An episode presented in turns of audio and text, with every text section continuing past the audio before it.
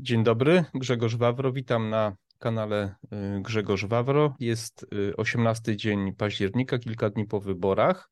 Jest to y, dobry moment, żeby o tych wyborach, o kampanii i o ewentualnie konsekwencjach tych wyborów porozmawiać.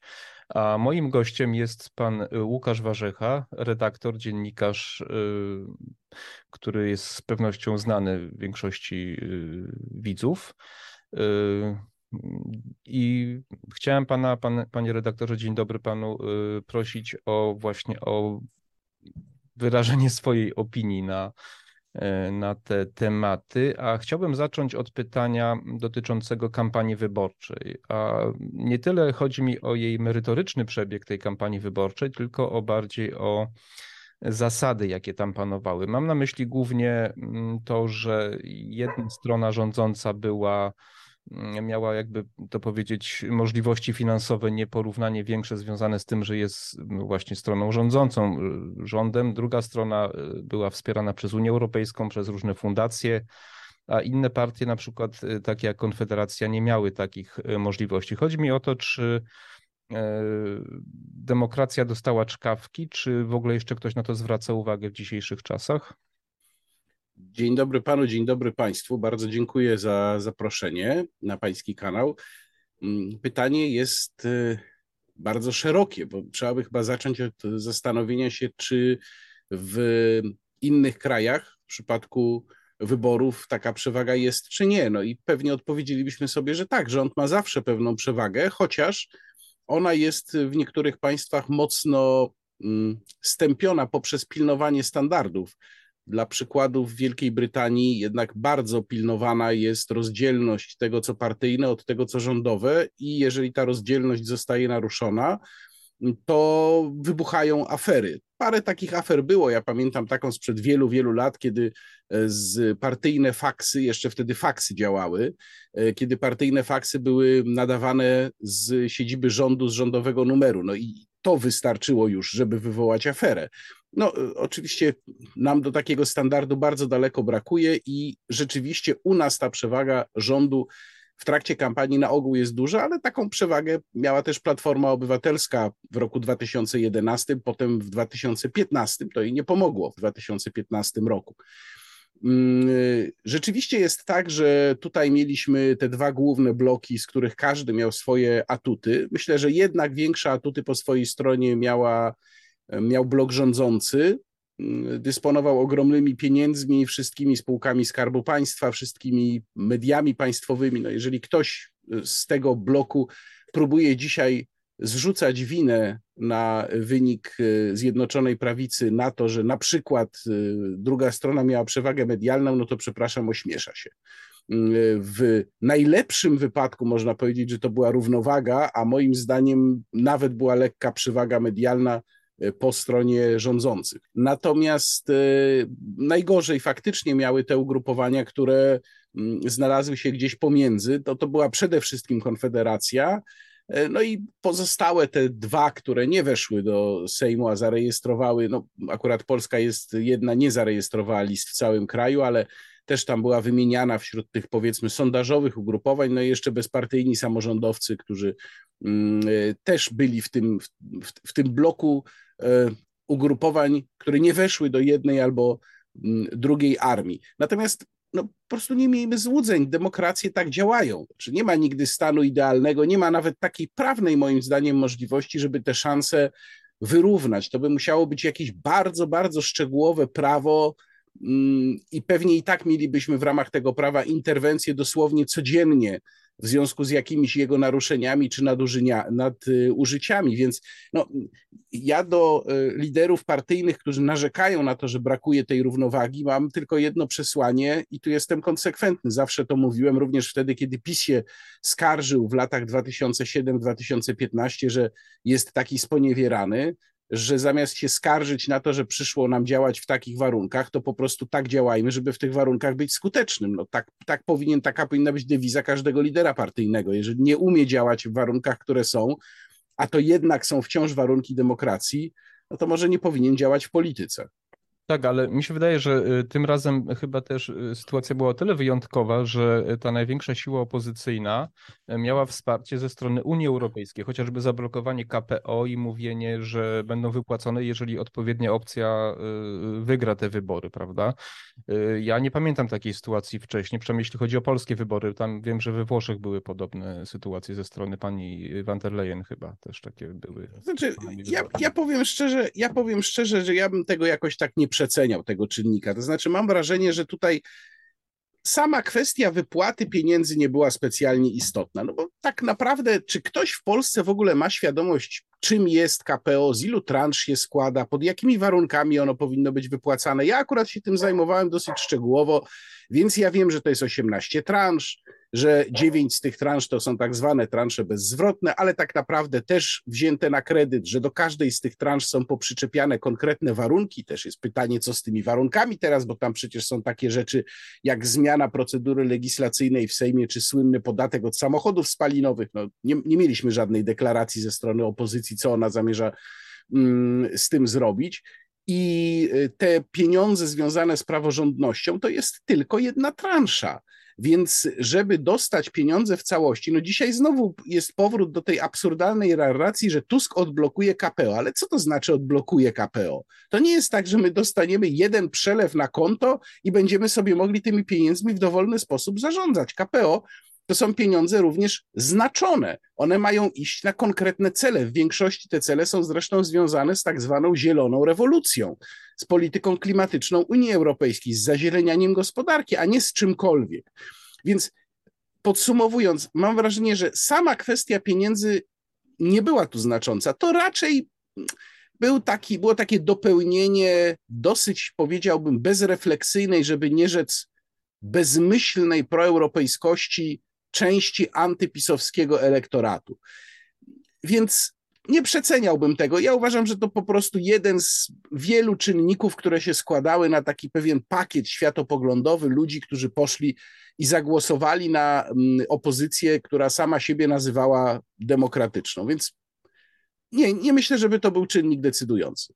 A co w takim razie według Pana było czynnikiem decydującym, tak jednak chyba zaskakującego dla większości y, y, partii, y, a zwłaszcza dla Konfederacji wyniku? Co było Pana zdaniem? Konfederacja to jest odrębny rozdział, to zaraz parę słów o tym możemy powiedzieć. Natomiast jeżeli chodzi o przegraną, bo tak to trzeba jasno nazwać, przegraną Prawa i Sprawiedliwości, tu wyjaśniam, mówię o przegranej, dlatego że ewidentnie celem partii Jarosława Kaczyńskiego było zdobycie po raz kolejny samodzielnej większości. I tutaj nastąpiła przegrana. No i drugim skutkiem, czy drugim, drugą warstwą tej przegranej jest to, że najprawdopodobniej PiS nie będzie rządził. Nie wiem jeszcze na 100%, bo w polityce różne rzeczy się dzieją, ale najprawdopodobniej nie będzie rządził.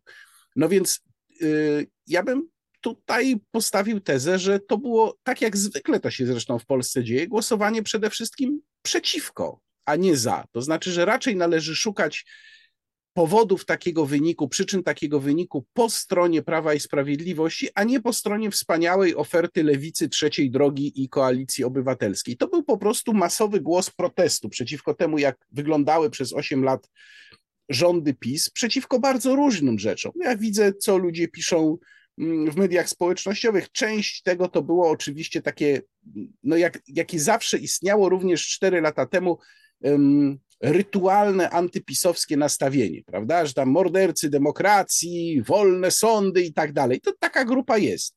Ale była w tym też grupa przedsiębiorców, którzy mieli dosyć wdeptywania ich w ziemię. Była w tym też grupa kobiet, które uznały, że PiS działa po prostu przeciwko nim, jakkolwiek byśmy tego nie oceniali, no ale tak były odbierane niektóre działania Prawa i Sprawiedliwości. Była grupa ludzi, którzy się wkurzyli na zwykłą arogancję władzy, i to wszystko razem zebrało się i właśnie z tego powstał ten wyjątkowy odruch protestu, no bo, bo mm, frekwencja na poziomie prawie 75%, czyli prawie 3 czwartych uprawnionych do głosowania, absolutnie wyjątkowa, wzięła się właśnie z takiej emocji antypisowskiej w dużej mierze, no a po części też z emocji y, obozu, mm, zwolenników obozu rządzącego. Czyli jeszcze raz, jest to, wynik PiS jest to przede wszystkim kwestia sprzeciwu wobec polityki PiS, a nie kwestia znakomitego programu jego przeciwników. Y, no tak, ja, no, moi widzowie wiedzą, pan też wie, ja też byłem kandydatem, więc pewnie do końca obiektywny tu y, nie będę. Y, duża część mojej kampanii to była kampania na ulicy po prostu i rozdawanie ulotek i rozmawianie z, z, z ludźmi i mnie interesuje, co pana zdaniem spowodowało, że Konfederacja y, uzyskała tak słaby wynik. I jeszcze dodatkowo dopytam, czy pamięta pan taką sytuację w historii wyborów III Rzeczpospolitej, kiedy wszystkie partie w zasadzie i większość mediów atakowały jedną no, niezbyt dużą partię, taką jaką jest Konfederacja? No myślę, że z tymi analogiami, szukaniem analogii, to trzeba by mocno się zastanowić, bo też sytuacja się zmieniała. To znaczy, trudno by było chyba znaleźć podobny układ odniesienia. Tutaj być może dobrym rozmówcą do, do takiego pytania byłby mój kolega Antoni Dudek, profesor Antoni Dudek. On ma y, historię trzeciej RP w małym palcu i na pewno by znalazł jakąś analogię. Ja takiej bezpośredniej nie widzę. Natomiast jeżeli chodzi o błędy Konfederacji, no to jest temat rzeka, można powiedzieć. Um, tutaj znów muszę, już to parę razy mówiłem po wyborach, ale tutaj też powtórzę, że muszę tutaj oddać honor Sławomirowi Mencenowi, którego było stać na dosyć taką bolesną autorefleksję i niewielu liderów na to stać, więc tutaj trzeba bez żadnej ironii powiedzieć, że Sławomir Mencen rzeczywiście przyznał się do porażki. Pytanie, co dalej z tego wyniknie. Mm, no, jakbym miał wymienić to, co moim zdaniem było błędem Konfederacji, to przede wszystkim strategiczny błąd w złym zaplanowaniu kampanii, której symbolicznym startem, mm, ona oczywiście trwała jeszcze wcześniej, taka prekampania, ale symbolicznym startem kampanii było zaprezentowanie bardzo wcześnie, dużo wcześniej niż to zrobiły inne ugrupowania swojego programu w kompletnej postaci, i wtedy to rzeczywiście był atut. Ja sam kilkakrotnie to podkreślałem, że w tamtym czasie jedyna partia, która pokazała rzeczywiście, że ma program, wszystkie inne zrobiły to później. Natomiast odnoszę wrażenie, że nie było żadnej koncepcji i pomysłu, czym grać na kolejnych etapach. Chyba to było tak zaplanowane, że prezentujemy program, a potem już jedziemy aż do wyborów tym samym pomysłem, czyli przede wszystkim Bosak i Mencen na żywo. I to jest moim zdaniem drugi mój problem bo ja rozumiem, że to były występy sformatowane prawdopodobnie pod młodego wyborcę, no ale to był jednak jakiś stand-up, a nie poważna impreza wyborcza. I mam wrażenie, że o ile to mogło być ożywcze i atrakcyjne dwa, trzy razy, to zrobienie z tego takiej trasy koncertowej po całej Polsce chyba się jednak nie sprawdziło. Po drugie, to był problem z y, kształtem list y, i to problem paropoziomowy, czyli najpierw mieliśmy osoby, których poglądy wydawały się nie do końca spójne z linią Konfederacji. No tutaj ta słynna pani Sosnowska. Mm, ja już teraz nie oceniam, czy jej wypowiedzi z czasów y, pandemii były rzeczywiście tak bardzo sanitarystyczne, jak niektórzy twierdzą, czy nie, nie o to chodzi, ale ważny jest odbiór tego. Mm, po drugie, to były osoby, które tak barwnie, bodajże Dobromir Sośnierz nazwał Pokemonami, czyli ludzie o powiedzmy poglądach, jeżeli można tak rzec, dosyć ekstrawaganckich. Mm, no i, i to jest taki elementarz, to znaczy wszystkie dojrzałe formacje polityczne wiedzą, że trzeba naprawdę robić przesiew ludzi, których się wciąga na listy. No problem jest wtedy, jeżeli się nie ma wystarczającej liczby kandydatów, bo listy muszą być pokryte z zapasem. To wynika po prostu z kodeksu wyborczego. Jeżeli e, tu wyjaśniam, że jeżeli z listy ktoś wypadnie z jakiegoś powodu, zostanie wykreślony i nie ma zapasu, nie ma tego nadmiaru, to wtedy cała lista w danym okręgu jest unieważniana. No to oczywiście nikt sobie na to nie może pozwolić. Trzeba te listy zapełnić właśnie jeszcze z zapasem. No więc rozumiem, że tu był po prostu problem z ludźmi. Był problem z ludźmi. I, I, jednocześnie nie było na tych listach takich lokomotyw, które by zrównoważyły te osoby na dalszych miejscach, z którymi mógł być jakiś problem. Bo gdyby to jeszcze było tak, że no ktoś tam wyciąga, o, tu jest jakaś osoba, która tam, nie wiem, walczy z masztami 5G, prawda, i chodzi w foliowej czapeczce, ale na pierwszym miejscu tej listy jest, dajmy na to, znany, szanowany lekarz, z dorobkiem naukowym, który w czasie pandemii e, walczył z systemem, ale walczył z systemem w sposób e, rozsądny, opierając się na badaniach i tak dalej. Przykład czysto teoretyczny. No to byśmy mieli inną sytuację. No ale tego tu nie było. Ja przeglądałem listy platformy i no przepraszam, w dziewięciu przypadkach na dziesięć w ogóle nie wiedziałem, co to za ludzie. Komplet, y, przepraszam, nie platformy, tylko konfederacji oczywiście. W dziewięciu przypadkach na dziesięć nie wiedziałem, co to za ludzie.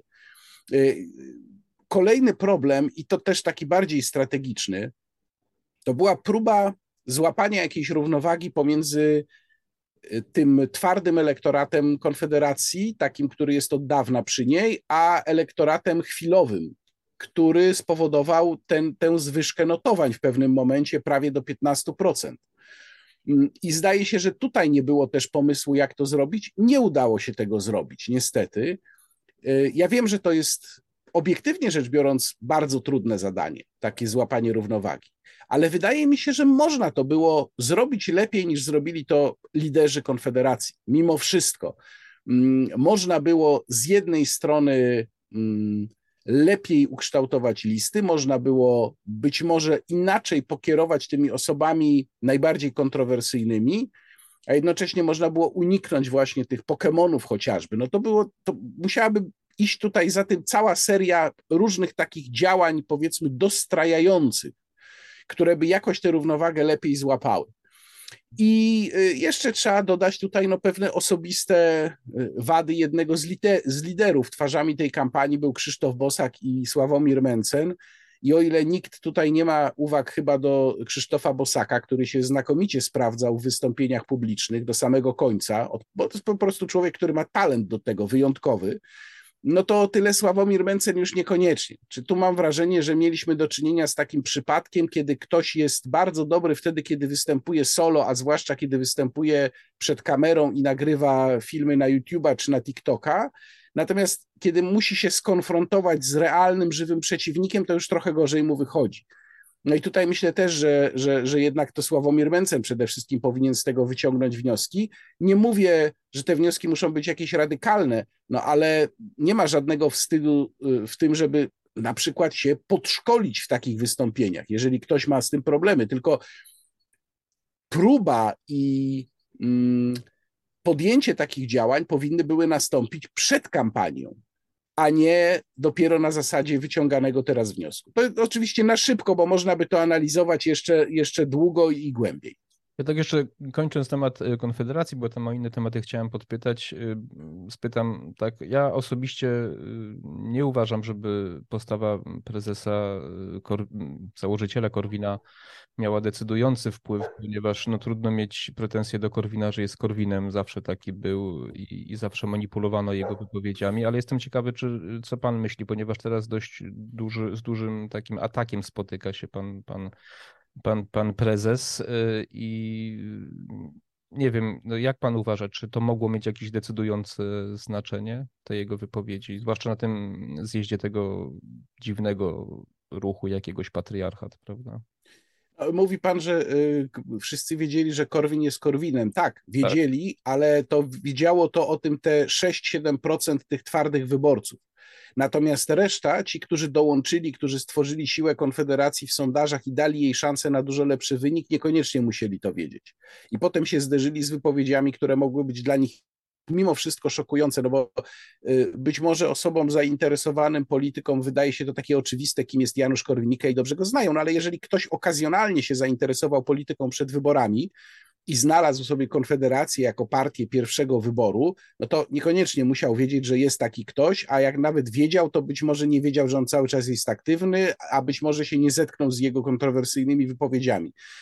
Y, nie, ja myślę, że różne czynniki zagrały razem, te, o których powiedziałem też, więc nie powiedziałbym, że jedynym, głównym, jedynym a nawet głównym winnym jest tu Janusz Korwin-Mikke, natomiast na pewno jest jednym z winnych. Tylko, że to jest pytanie, czy sam Janusz Korwin-Mikke, on po prostu taki jest, jego się już nie zmieni. No człowiek ma 80 lat, to raczej jest chyba nie do nauczenia, żeby działał inaczej, tylko ja bym tutaj winy szukał po stronie tych, którzy nie wymogli na Januszu Korwin-Mikke rezygnacji z polityki, bo moim zdaniem on powinien po prostu być na emeryturze.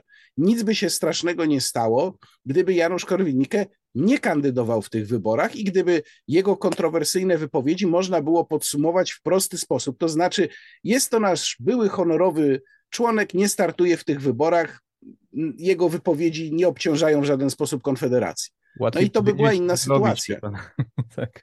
No, ja domyślam się, że tam były jakieś problemy z tym, natomiast konsekwencje moim zdaniem widzimy jednak. Tak, tak, I nie zgadzam się zupełnie z tym, co Janusz Korwin-Mikke powiedział, bo już widziałem te linie obrony, że w gruncie rzeczy to właśnie jego nieobecność spowodowała taki, a nie inny wynik. Nie, uważam, że, że tutaj no, to jednak pycha e, dosyć mocno wybiła panu Januszowi.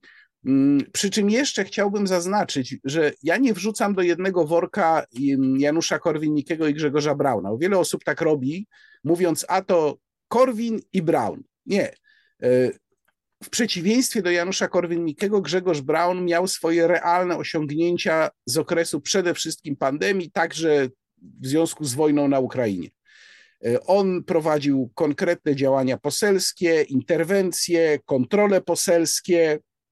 On się autentycznie angażował. To znaczy, za nim stoi realny dorobek, którego, przepraszam, Janusz Korwin-Mikke po prostu nie ma. Więc e, ja uważam, że o ile należało wysłać y, Janusza Korwin-Mikkego bezwzględnie na emeryturę przed tymi wyborami, to Grzegorza Brauna należało w miarę możliwości lepiej zagospodarować. Wiem, że z tym był. Wiem, że z tym był problem, bo rozmawiałem z politykami Konfederacji i no miałem takie, takie informacje od nich, że trudno jest się dogadać z panem Grzegorzem Braunem. Natomiast y, no, samo to, że on się wyciszył znacząco przed wyborami, pokazuje, że jednak ten interes partyjny jakoś brał pod uwagę. Mm, wyciszył się przecież w przeciwieństwie do Janusza Korwin-Mikkego, bo ten się nie wyciszył. Natomiast Grzegorz Braun ewidentnie tak. Więc yy, podsumowując, nie stawiałbym tych dwóch postaci na jednym poziomie, nie wrzucałbym ich do jednego worka. Wyniki y, Grzegorza Brauna w Rzeszowie i prezesa mówią same za siebie chyba, prawda? Tak, bardzo, bardzo dobry wynik Grzegorza Brauna, tak. Y, chciałbym przejść teraz y, do kolejnego tematu, bo tak, wygrała Koalicja Obywatelska, wygrała trzecia, trzecia droga, Lewica. No i dobrze, oni stworzą rząd, prawda? Tylko teraz ja się zastanawiam, obie, obiecanki były różne, to znaczy, że zaraz wszystko zmienimy, wszystko naprawimy, tylko ja się zastanawiam, jak się dogada na przykład PSL z Zielonymi z Koalicji Obywatelskiej i tak dalej. Tam tych partii jest trochę i one tak y, tutaj jednym głosem mówią, ale jak się tam bliżej przyjrzeć, to te mm, programy, poglądy są bardzo różne. Jak pan uważa, jak długo może się utrzymać y, taka koalicja i taki ewentualnie rząd, który powstanie, biorąc pod uwagę jeszcze, że prezydent jest y, pisowski, prawda?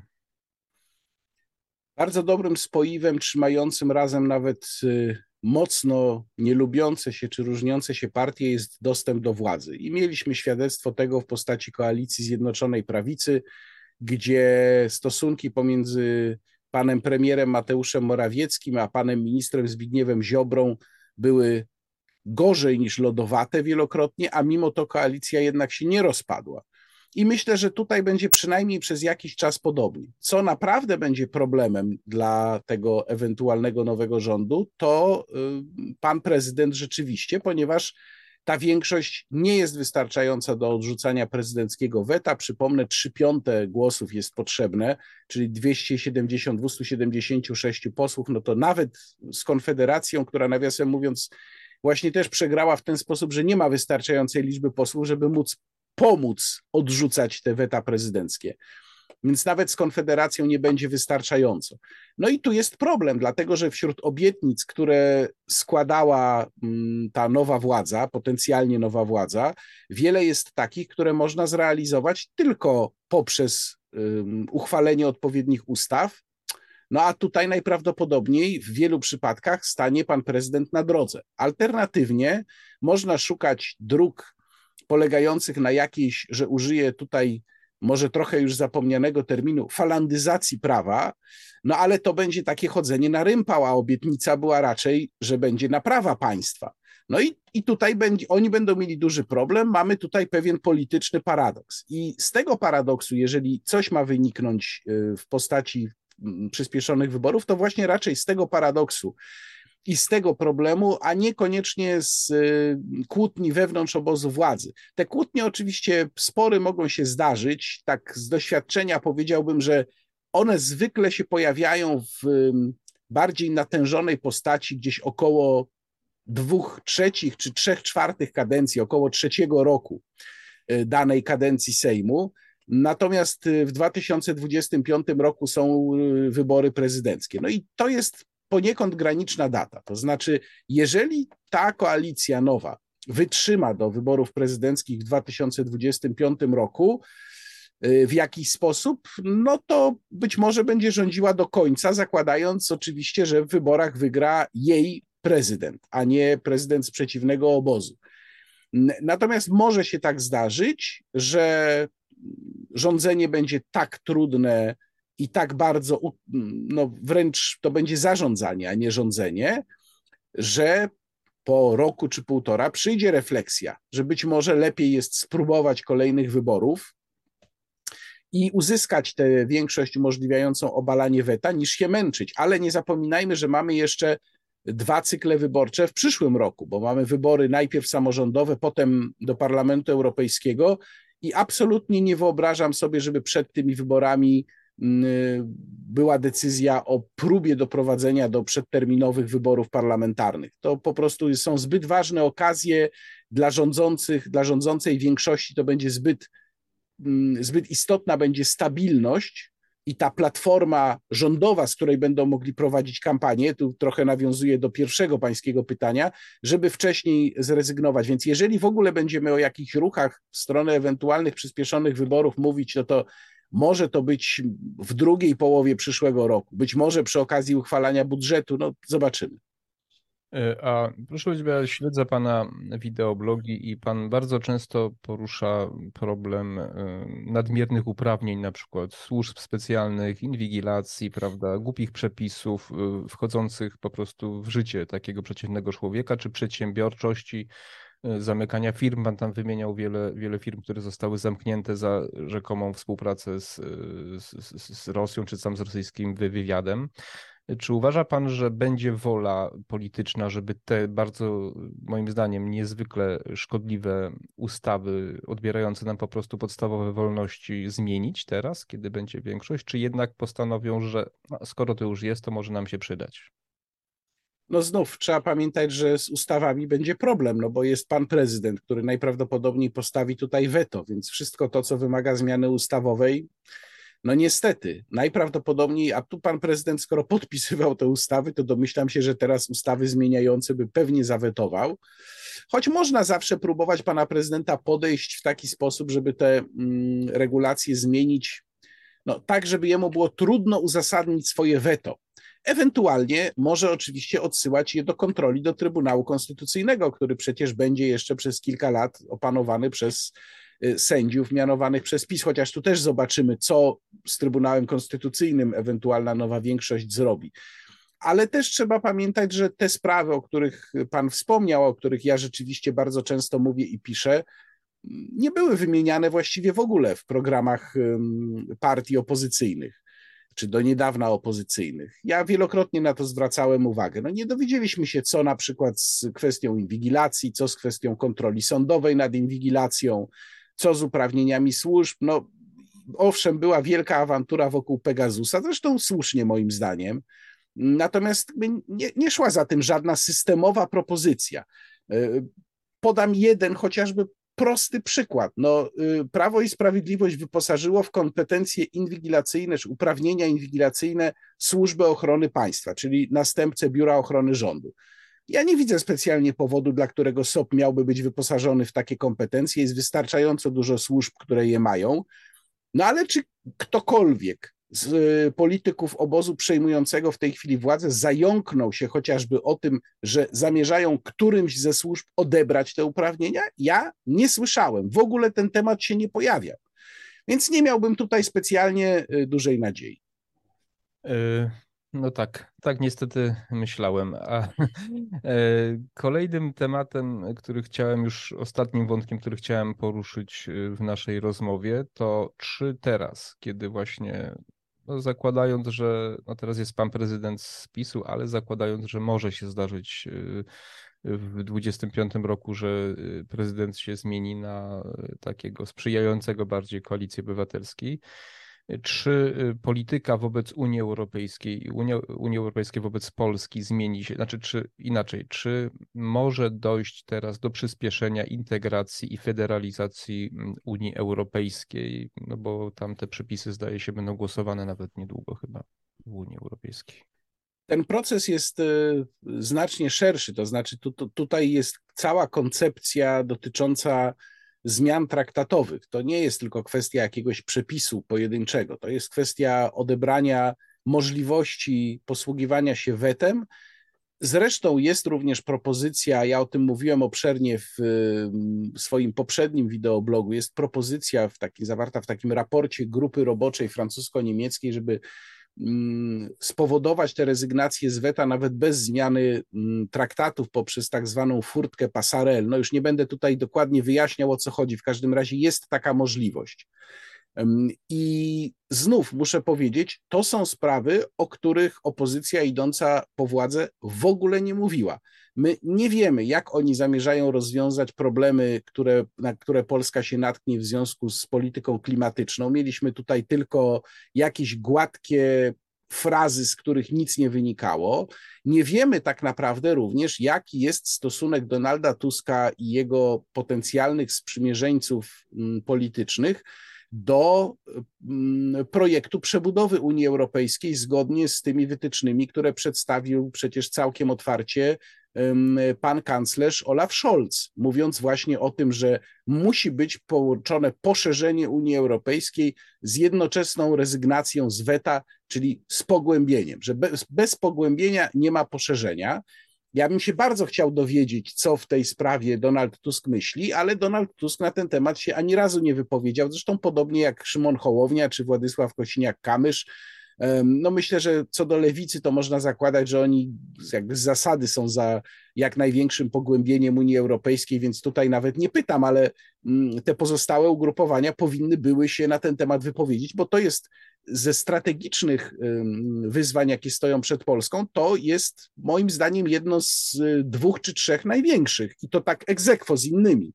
Y, nie wiemy, Y, można oczywiście różne rzeczy zakładać, no ale zakładać to jest co innego, a usłyszeć to y, wprost od polityków tego obozu, nowego obozu rządzącego, to jest inna sprawa. Y, a panie redaktorze, pana doświadczenie już wieloletnie dziennikarskie, ale też no, życiowe, co panu mówi intuicja? Czy ten proces integracji, federalizacji Unii Europejskiej może się zatrzymać, czy raczej jesteśmy skazani na to? Nie ma tutaj właściwie żadnego doświadczenia, które by mogło coś podpowiedzieć, bo nie ma precedensu. No tak. E, I mieliśmy już ileś takich sytuacji w przeszłości, które dawały nadzieję, że coś się przełamie, i potem ta nadzieja się kończyła niczym. Gdyby to przyjąć za regułę, no ostatnio w Hiszpanii chociażby taka sytuacja, gdyby to przyjąć za regułę, mm, no to w zasadzie należałoby uznać, że, że nie, że tego się nie uda zatrzymać, chociaż z drugiej strony trzeba mieć świadomość, że jakkolwiek Europejczycy gotowani są bardzo powoli, tak jak gotuje się żaby, to jednak finał tego gotowania no, będzie strasznie bolesny, bo mm, wejście w życie tych ustaleń, tych, tych pomysłów, które będą właśnie realizowane albo już pod koniec tej kadencji, albo w następnej kadencji Sejmu. W każdym razie mówimy tutaj o przestrzeni tak plus minus 15 lat najbliższych. No to, to będzie skutkiem tego będzie dramatyczna pauperyzacja ogromnej części Polaków, nie tylko Polaków zresztą, bo przecież chociaż Niemcy startują z innego poziomu, to też y, tam następuje pauperyzacja, żeby przywołać najpotężniejszy gospodarczo kraj Unii Europejskiej. Pauperyzacja spowodowana właśnie energiewende, czyli zmianą energetyczną, rewolucją energetyczną, przeprowadzaną już od jakiegoś czasu w, w Niemczech. Y, więc być może to zadziała jak jakiś taki wyzwalacz, impuls, który spowoduje rzeczywiście bardzo gwałtowną, głęboką zmianę polityczną. Ale jakbyśmy tak spojrzeli z naprawdę długiej perspektywy, takiej już obejmującej nie naście lat czy dziesiątki lat, ale nawet setki lat, no to byśmy zobaczyli, że są pewne cykle, nic nie trwa wiecznie. Może to jest marne pocieszenie, bo to wykracza, ta perspektywa już wykracza poza granice ludzkiego życia pojedynczego, bo niestety można życie zacząć w fajnych czasach, a potem skończyć je już w czasach kiepskich i to bez widoków na to, że one się poprawią. Mm, natomiast no, z tej dłuższej perspektywy imperia powstawały, upadały, były różne cykle cywilizacyjne, więc może warto się zdobyć i na taki dystans, sięgnąć po jakieś porządne powieści historyczne, które obejmują takie okresy. Ja, że tak sobie pozwolę na, na takie może nietypowe zakończenie tej rozmowy, bardzo polecam powieści Teodora Parnickiego. Może nie za łatwe, ale, ale naprawdę dające niesamowity ogląd tych wielkich procesów historycznych. Proszę sobie przeczytać Ecjusza Ostatniego Rzymianina, czy Śmierć Ecjusza, żeby tę perspektywę złapać, to może wtedy łatwiej nam będzie znosić to, co się dzieje na co dzień. No ja jestem miłośnikiem Józefa Mackiewicza i on tam nadziei wielkiej chyba nie, nie zostawia. No, to e, bar- świetny, ale bardzo pesymistyczny pisarz. Ale też bardzo, bardzo taki no, właśnie realistyczny. No wie pan, ja już tak też kończąc e, rozmowę, chciałem jeszcze o imigrantach, ale to może jeszcze uda nam się kiedyś, e, jeśli pan się zgodził, mówić na inną rozmowę, ale ja jestem rocznik 73, więc ja pamiętam stan wojenny, pamiętam PRL, pamiętam w Laskach koło Warszawy kończyłem szkołę dla niewidomych w czasie przełomu roku 89, pamiętam te wszystkie zamieszki, to wszystko, co tam się zmieniało. Radość, wolność lat 90., taki, taki oddech wolności, i nigdy by mi do głowy nie przyszło, że teraz będę znowu się martwił, że nam tutaj mm, socjalizm i komunizm na nowo wprowadzają. I to z perspektywy jednego, jednego właśnie życia życia jednego człowieka i to jest y, z jednej strony dołujące, a z drugiej jednak napawa nadzieją, że może w perspektywie kolejnych kilkudziesięciu lat znowu dojdzie do jakichś, jakichś zmian, może bardziej Y, bardziej, bardziej y, pozytywnych, także.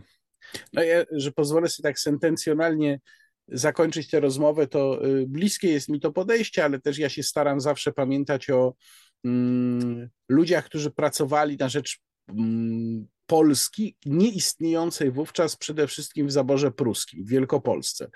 I mm, no, oni zaczynali te prace od bardzo małych kroków, e, na przykład e, Dezdery Chłapowski, od organizacji rolnictwa na nowo, od, na, od uczenia polskich chłopów, jak w nowoczesny sposób uprawiać ziemię, płodozmian i tam różne inne takie nowinki z tamtego czasu, czyli w gruncie rzeczy z pierwszych dziesięcioleci XIX wieku.